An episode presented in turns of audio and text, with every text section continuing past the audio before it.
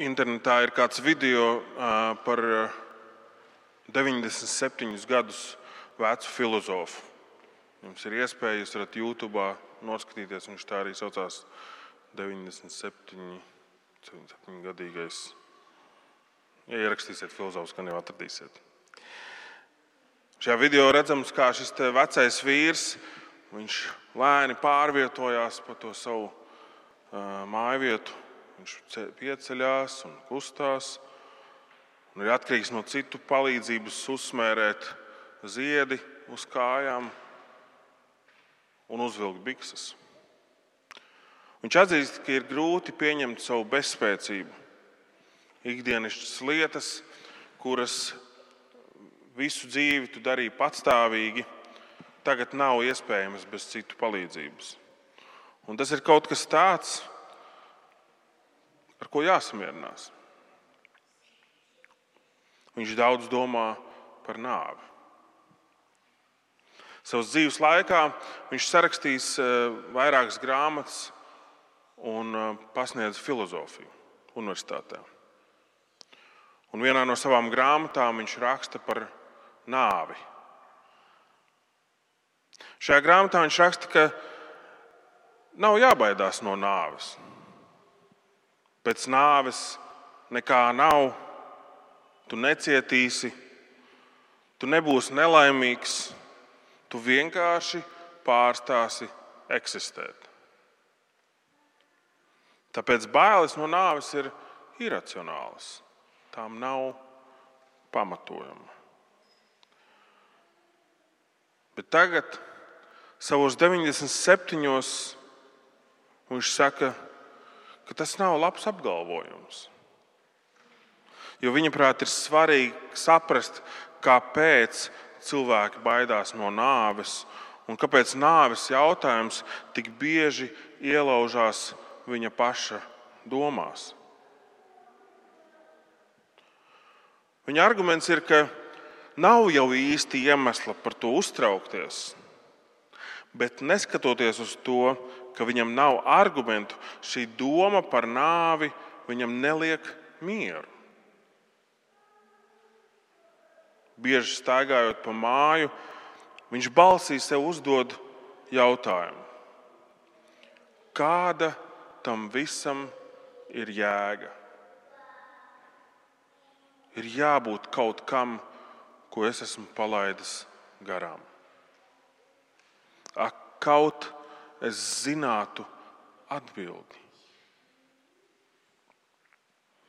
Un šis vīrs, tāpat kā daudz citi, ir veltījis savu dzīvi, lai atrastu atbildi uz šo jautājumu.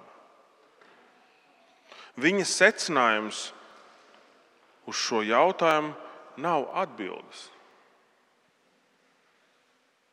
Tas ir vienkārši ironisks jautājums. Un klusā atbilde uz šo jautājumu ir šim, ir šim visam nav nekādas jēgas? Tas ir muļķīgs jautājums. Viņš turpina, nāve ir biedējoša. Tas ir kaut kas, ko es negribu piedzīvot. Lai arī šī pasaule ir izaicinājuma pilna, es gribētu vēl šeit pabūt. Es nezinu, kāds ir iemesls, kāpēc es to vēlos, un es nezinu, kāds ir iemesls manām bailēm no nāves. Video beigās viņš sēž savā dārzā uz lieveņa, skatās uz kokiem, kurus viņš redzējis tik daudz reizes. Es redzu, cik brīnišķīgs tas viss ir. Šie koki te vienmēr ir bijuši. Bet es nekad tā pa īstam neesmu vienkārši sēdējis un par tiem priecājies. Šī sajūta padara faktu par neizbēgamu nāvi vēl grūtāku, un tā liek man raudāt. Esmu sarakstījis grāmatas par daudzām tēmām, Un katru reizi man šķita, ka esmu atradis atbildi uz uzdotajiem jautājumiem. un tādējādi atrisinājis kādu problēmu.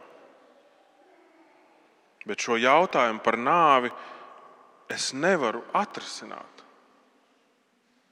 Tas nav tikai teorētisks jautājums. Tas ir centrālais jautājums manai eksistencei, un es gribēju to atrisināt, bet man tas nav izdevies.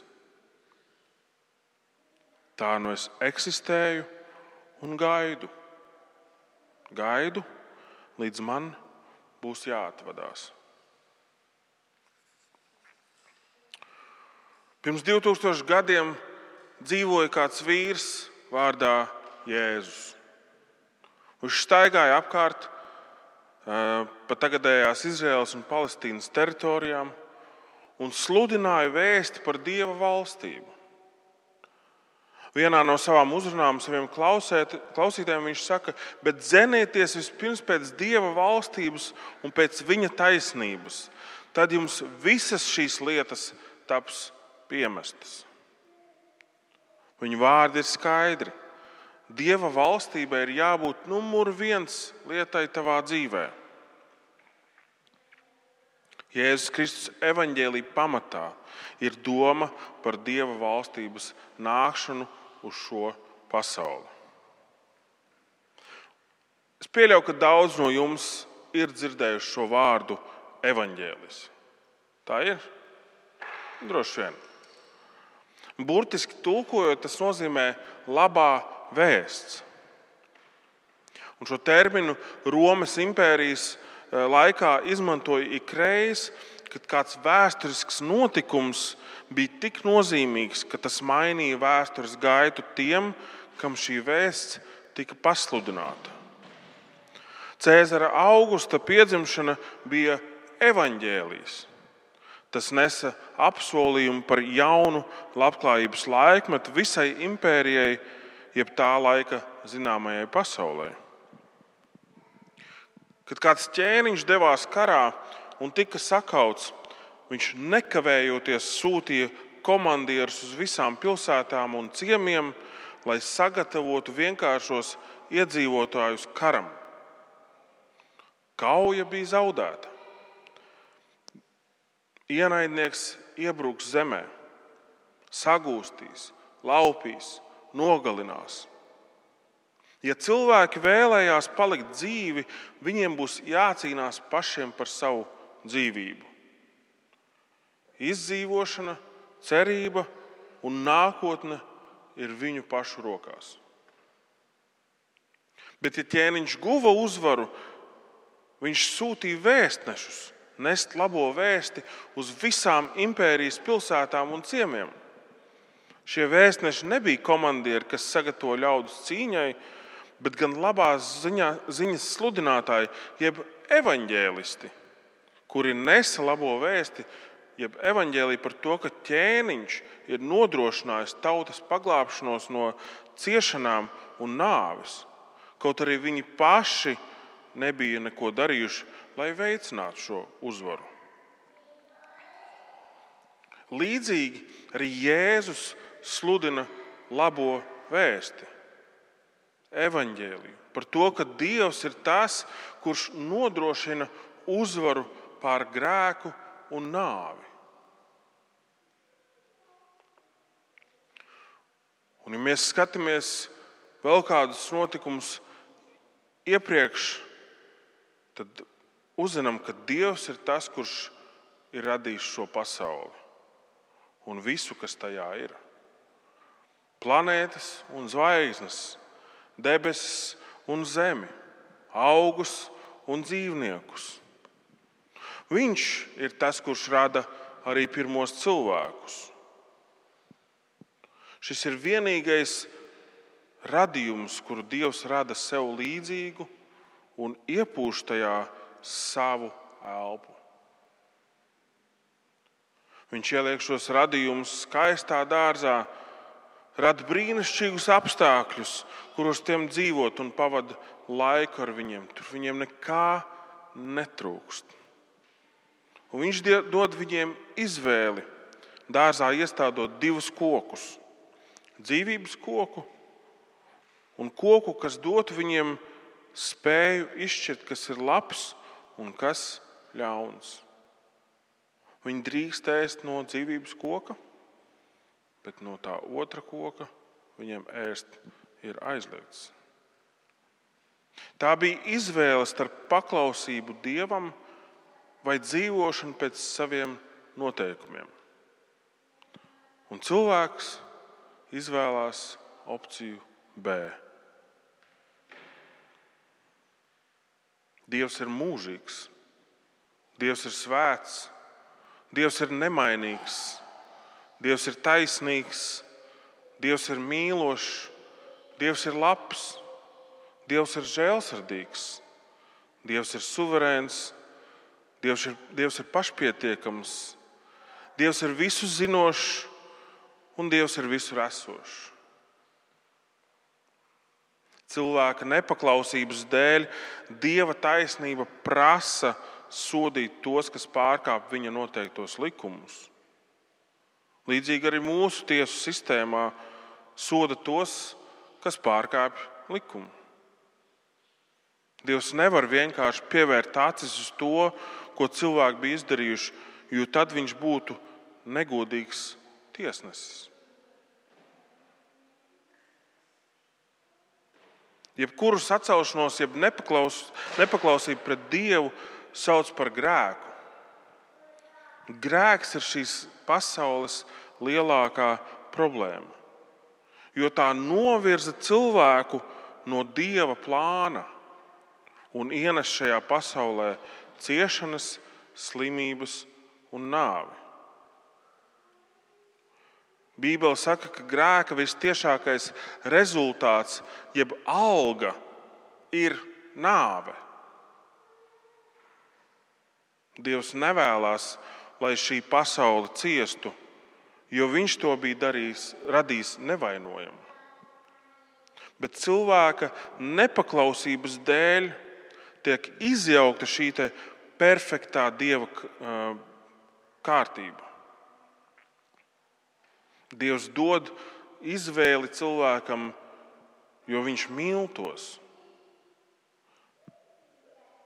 Mīlestībā pēc definīcijas ir jābūt izvēlei.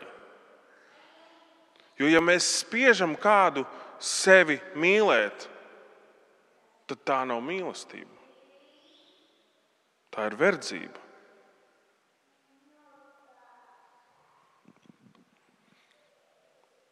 grēcīgs, nepaklausīgs, dumpīgs cilvēks nevar pastāvēt svēta, nevainojama Dieva priekšā. Tāpēc Dievs padzen cilvēku no dārza. Bet, tad, bet, bet jau tajā laikā viņš dod solījumu par kādu, kurš visas lietas atgriezīs sākotnējā, perfektajā stāvoklī.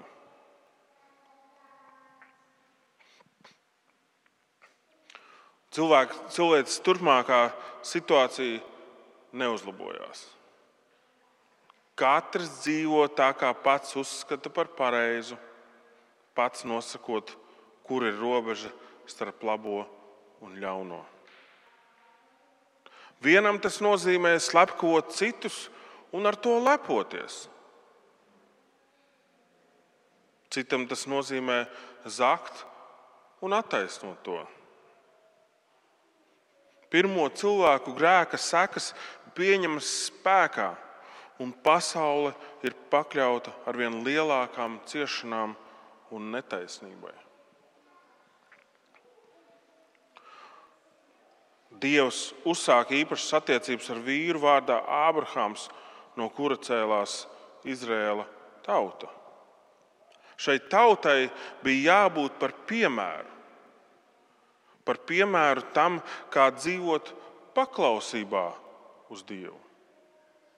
Tā lai citas tautas uz viņiem skatītos un teiktu, mēs arī tā gribam. Bet, diemžēl, ar dažiem nelieliem izņēmumiem, šī tauta turpina slīt ar vien lielākā bezcerības un posta purvā. Dievs piedāvā viņiem tādu ļoti īpašu tiesiskuma sistēmu. Par viņu grēkiem, pārdarījumiem var samaksāt ar nevainīga dzīvnieka asinīm. Šiem dzīvniekiem simboliski tiek uzlikta cilvēku vaina, un tie zaudē savu dzīvību, lai cilvēka dzīvība tiktu saglabāta.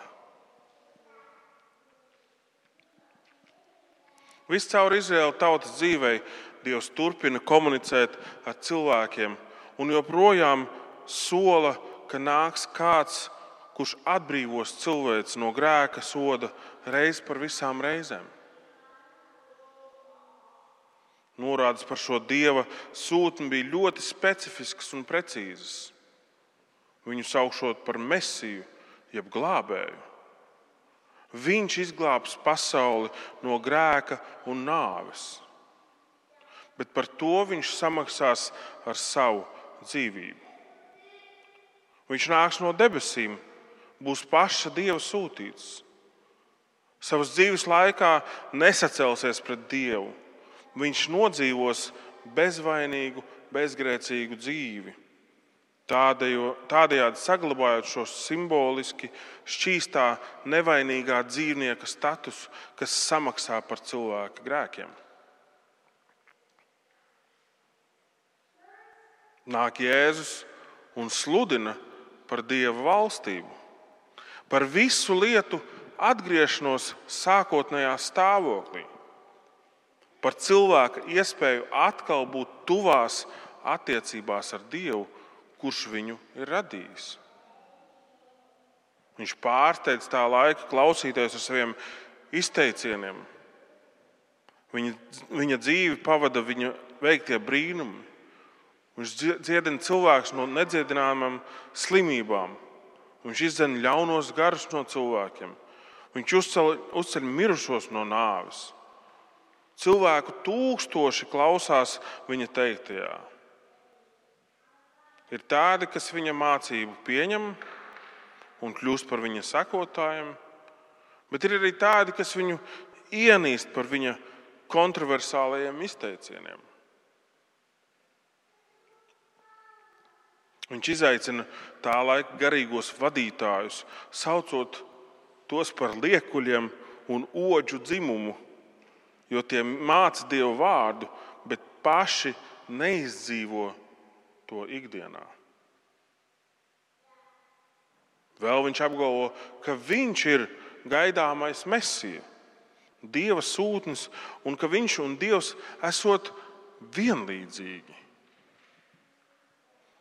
Šie izteikumi nu, galīgi nepatīk viņa pretiniekiem, un tie nolem viņu nokaut. Viņš tiek sagūstīts, viņa tuvākie sekotāji viņu pamet, Viņi ved tiesas priekšā, apsūdz smagos noziegumos, uzstājoties viltus lieciniekiem, bet tā īsti neko viņam nespēja piešūt. Augstais priesteris viņam tieši pajautā, vai tu esi Kristus, augsti teicamā dēls? Uz ko Jēzus atbild: Tās es esmu un jūs redzēsiet mani sēžam pie Dieva labās rokas. Sašutumā un dusmās iededzies augstais priesteris, saplēš savus drēbes.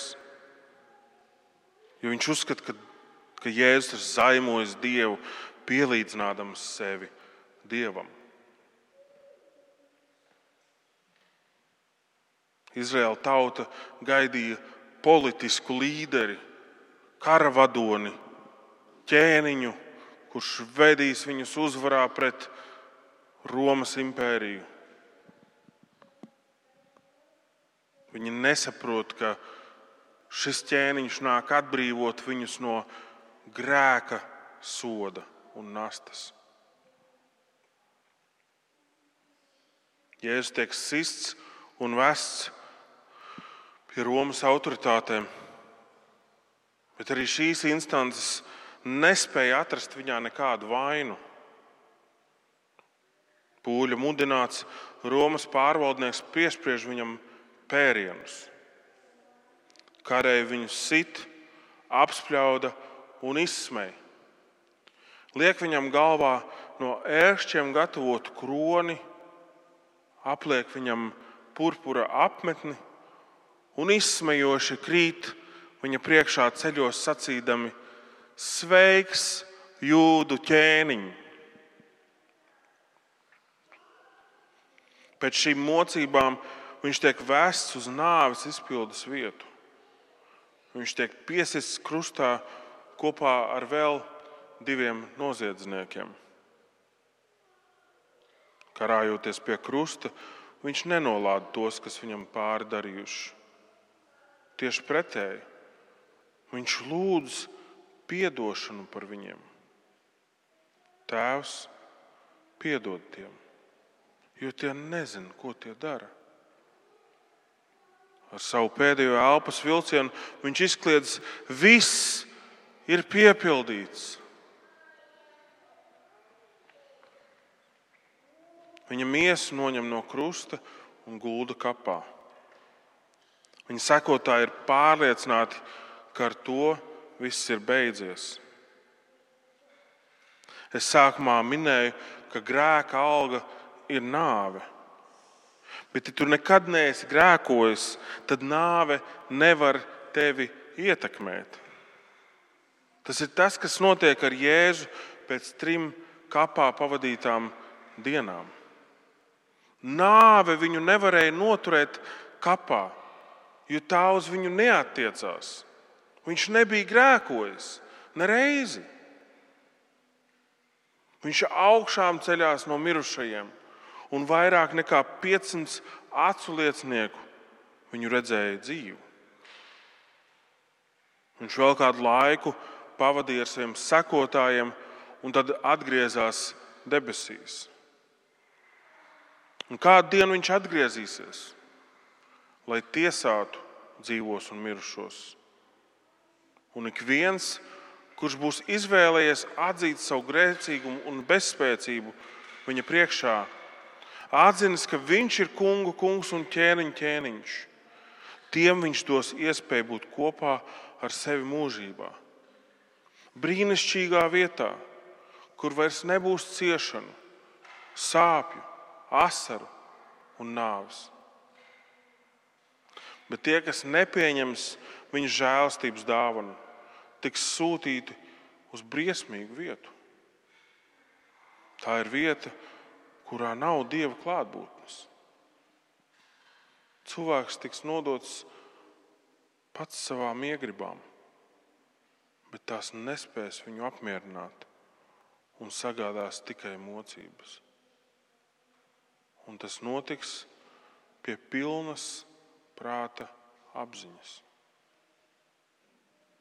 Briesmīgākais ir tas, ka no šī bezcerīgā stāvokļa būs iespēja redzēt debesu brīnišķīgo godību, ko cilvēks būs palaidis garām, bet iespējas iekļūt tur vairs nebūs.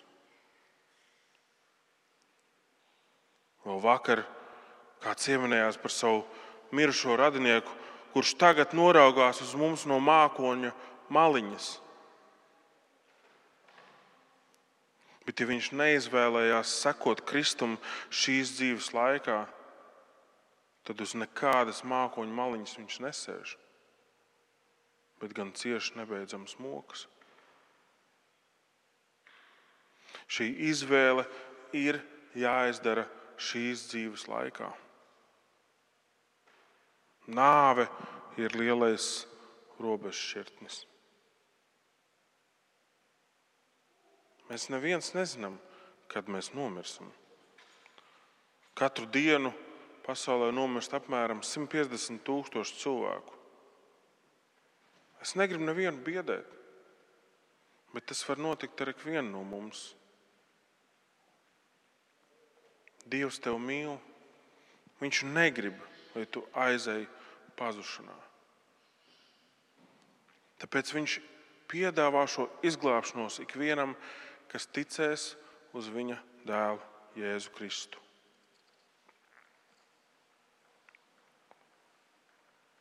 Miljoni un miljardi cilvēku tagad un pasaules vēsturē ir teikuši, bet šis viss taču neatiecās uz mani.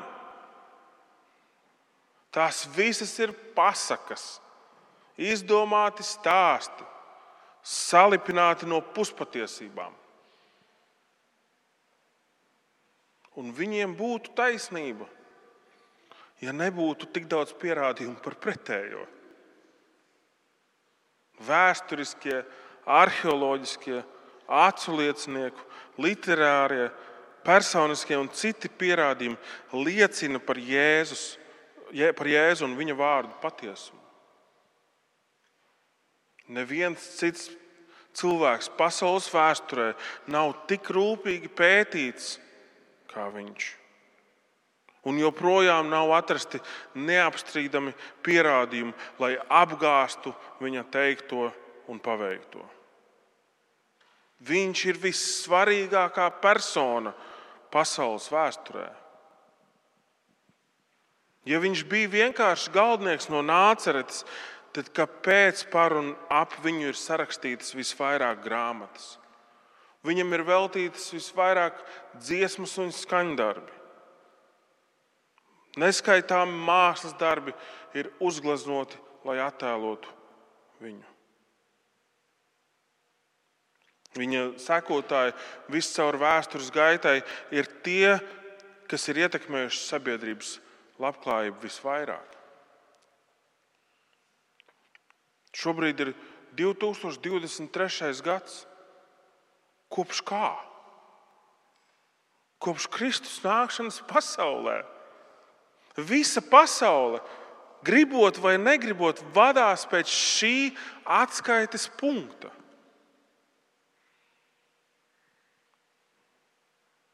Kāds vīrs strīdējās ar ielas sludinātāju par pierādījumiem dieva eksistencei. Un ielas sludinātājs viņam jautā, kāds pierādījums viņu pārliecinātu. Uz ko viņš atbild, ja debesis pašķirtos un Dievs dzirdami runātu uz mani, tad, es,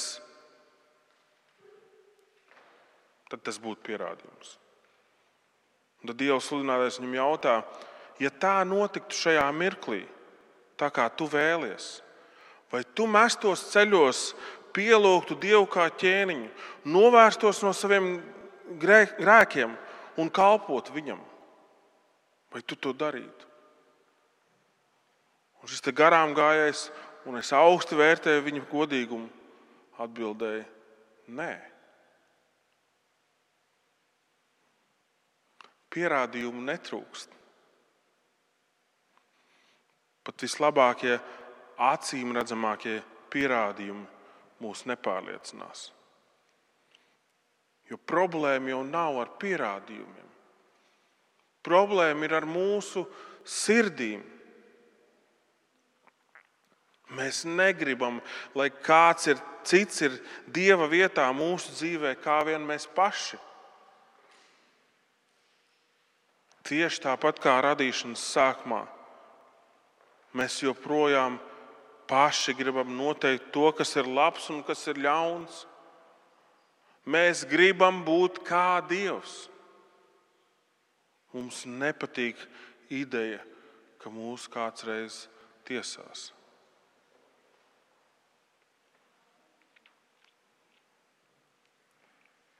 Šis vecais vīrs, ko es pieminēju sākumā, nomira tajā pašā gadā, 97 gadu vecumā. Es nezinu, vai pirms savas nāves viņš atzina savu grēcīgumu Dievu priekšā un lūdza atdošanu, iecinot Kristu savā dzīvē. Kaut arī līdz pēdējiem mirklim es ticu, ka viņam bija tāda iespēja. Bet pat neticot tam visam, viņš spēja atzīt, ka viņam ir bailes no nāves. Un tas mūsos visos ir. Mēs to nespējam izskaidrot. Un pat ja katram no mums būtu iespēja nodzīvot tik ilgi, kā šim vīram, vai mēs izdarītu pareizo izvēli. Izdarīt izvēli sekot Kristum ir visvienkāršākā un visgrūtākā lieta vienlaicīgi. No vienas puses, ja tu ar saviem vārdiem apliecināsi, ka Jēzus ir kungs un savā sirdī ticēsi, ka Dievs ir uzcēlis viņu no mirušajiem, tu tiksi izglābts. Tas ir tik vienkārši. Un tajā pat laikā tev jāatzīst sava sakāve. Tev jādod vissvarīgākā vieta savā dzīvē tam, kurš tevi ir radījis. Un tā ir visgrūtākā lieta.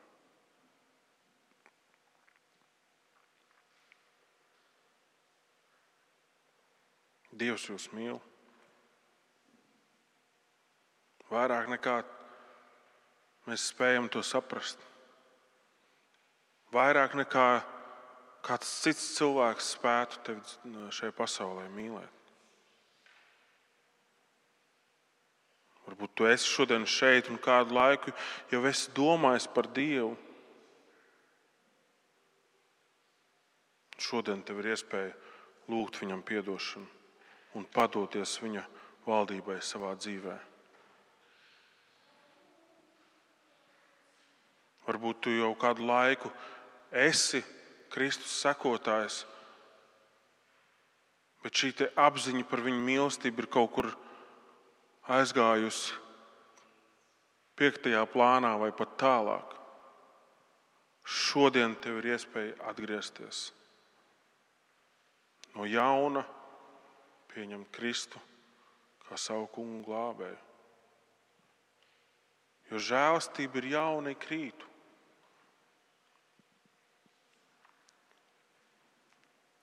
Varbūt tu šo, tu šo skaties tiešraidē vai ierakstā. Neatkarīgi no tā, kur tu esi, tev ir iespēja nožēlot savus grēkus un sekot viņam. Viņš grib, lai tu dzirdi šo vēsti par glābšanu. Es nezinu, kur tu esi savā dzīvē šobrīd. Varbūt tu esi uz robežas, lai atņemtu sev dzīvību. Varbūt tavā dzīvē ir apstākļi, kas šķietam brucina kopā visu tavu dzīvi. Varbūt tev ir nomāts atkarības, no kurām tu netiec vaļā. Un Dievs nesola, ka dzīve būs viegla. Un tikai puķis un tauriņi. Viņš apsola, ka viņš būs līdzās un ka dzīve būs vieglāka kopā ar viņu. Tas, ko viņš piedāvā, ir cerība. Cerība uz to, ka viņš parūpēsies par tevi. Cerība, ka tu neesi viens šajā pasaulē. Cerība, ka ir kāds, kuram tu tik daudz nozīmē.